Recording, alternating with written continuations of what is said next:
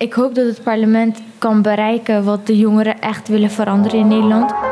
Dit is de vierde Jongerenambassadeurs podcast.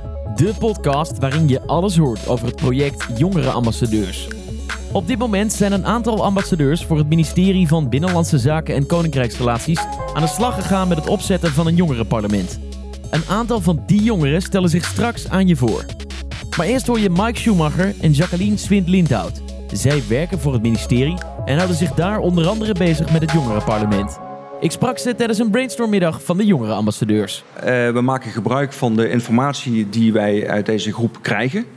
Uh, om dus inderdaad eens na te denken, jongerenparlement, leuk. Maar wat moet dat jongerenparlement gaan doen?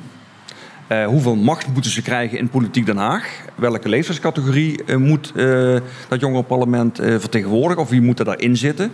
En hoe bereiken ze, blijvend eigenlijk, continu, de jongeren in het land? En dan heb ik het niet alleen over de jongeren in die bepaalde leeftijdscategorie, maar gewoon alle jongeren voor wie zij eigenlijk in dat parlement zitten. Waar, waarom moest er een, een jongerenparlement komen volgens jullie? Waarom een, nou ja, om een goede afspiegeling te worden van de maatschappij. Dat we de jongeren, dat het niet alleen uh, wat uh, in Den Haag bepaald wordt door wat uh, oudere jongeren. maar dat het juist ook gedragen wordt door de jongeren. En dat de jongeren ook hun eigen thema's kunnen aanleveren. En nou ja, hoe het jongerenparlement er ook uit gaat zien, zoals Mike net zei. dat die onderwerpen gewoon meegenomen worden op wat voor manier dan ook. Dat moeten we dan nog allemaal horen, hoe we dat willen inrichten. Maar dat, dat het gehoord wordt en dat het gedragen gaat worden door de jongeren zelf. Dit is ook eh, interessant in het kader van de maatschappelijke diensttijd in bredere zin. Dit is slechts een onderwerp, het jongerenparlement. Ik weet ook dat andere departementen, andere ministeries met hun eigen onderwerpen bezig zijn. En ook vooral gemeentes. Uh, het is voor Binnenlandse Zaken in ieder geval het eerste onderwerp dat we onder de vlag van de maatschappelijke diensttijd oppakken. Um, en hoe zijn jullie dan vervolgens bij project Jongerenambassadeurs uitgekomen? Nou ja, de Jongerenambassadeurs zijn gekozen ook door de snelheid. Hè. Er waren vier proeftuinen vanuit de maatschappelijke diensttijd. En de Jongerenambassadeurs is een vorm van een van de proeftuinen. En die lag gewoon het dichtste bij de opdracht, zoals we hem hebben uitgezet. Waardoor dus we nu een, uh, een volle tafel hebben met hele enthousiaste jongeren. Als we dan eventjes uh, vooruitkijken, uh, wat hopen jullie dan dat, het, uh, dat dit jongerenparlement uiteindelijk gaat, gaat betekenen? Een duidelijke stem in Den Haag. en het, het, mooiste zou zijn als jongeren in Nederland, die dan toevallig niet in het jongerenparlement zitten, ook exact weten wat er gebeurt. En wat met de aanbevelingen gebeurt. En welke met succes zijn afgelopen en welke wat minder. Maar dat ze wel merken, alles wat wij roepen, daar is nu een stem voor in Den Haag. Dat is denk ik het belangrijkste. En Mike, is het dan ook niet dat ze meer gaan stemmen als ze natuurlijk de stemgerechtigde leeftijd hebben, dat er meer jongeren gaan stemmen? Volgens mij is dat ook wel, denk ik, een mooie bijvangst dan. Ja, ik denk dat dat ook een automatisme is. Dat geldt, denk ik, in zijn algemeenheid, dat als je merkt dat er iets gedaan wordt met jouw aanbeveling, dan, eh, dan merk je ook dat het actief zijn dus ook helpt. Uh, maar dat moet je dus eerst merken. Dan moet je eerst resultaat boeken, voor je dat kunnen, kunnen vasthouden eigenlijk. 13 jongeren hebben zich aangemeld om zich als jongerenambassadeur te storten op de inrichting van het jongerenparlement. En ieder met zijn of haar eigen drijfveren. Luister naar de verhalen van Maxime, Luc en Beza.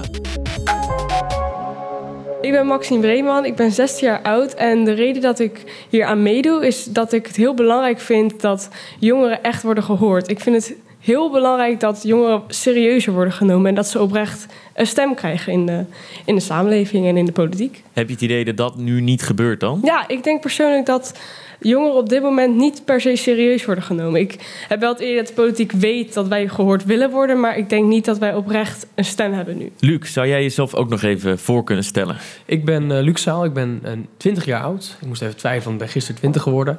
Ik denk toch altijd dat het uh, toch nog 19 is. Ik woon uh, vlak bij Amsterdam in Broek en Water, dat is een klein dorpje. Uh, ik studeer bestuurskunde, zit nu in het derde jaar aan de Hogeschool van Amsterdam. Uh, en ik vind het heel leuk dat ik vandaag mag meedenken over, uh, over het jongerenparlement. Ik denk dat het belangrijk is omdat je in Nederland uh, natuurlijk heel veel mensen hebt die heel veel vinden.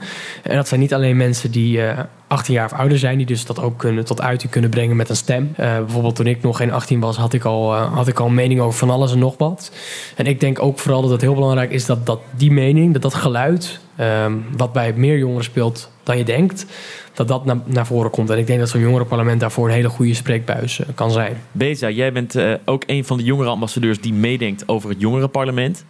Ehm, kan je eens vertellen over, ehm, nou ja, over hoe je hier terecht bent gekomen? Nou, ik kreeg een mailtje van mijn maatschappijleerdocent. En die had al gelijk geschreven van... ja, wie vindt het leuk om in een jongerenparlement op te richten... en de organisatie te vergaderen? En toen dacht ik, ja, dat vind ik leuk, dat wil ik gelijk doen.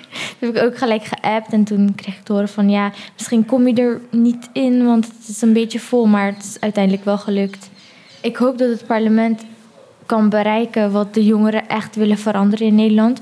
Als voorbeeld bijvoorbeeld een studiefinanciering, bijvoorbeeld zulke dingen. Want nu bepalen alleen maar oudere mannen en vrouwen dat voor ons, maar ze vragen niet aan ons wat wij ervan vinden of wat wij willen. Dit was de vierde Jongere Ambassadeurs podcast. Wil je zelf ambassadeur worden of wil je met jouw organisatie aan de slag met jongerenambassadeurs? Check dan www.jongerenambassadeurs.com.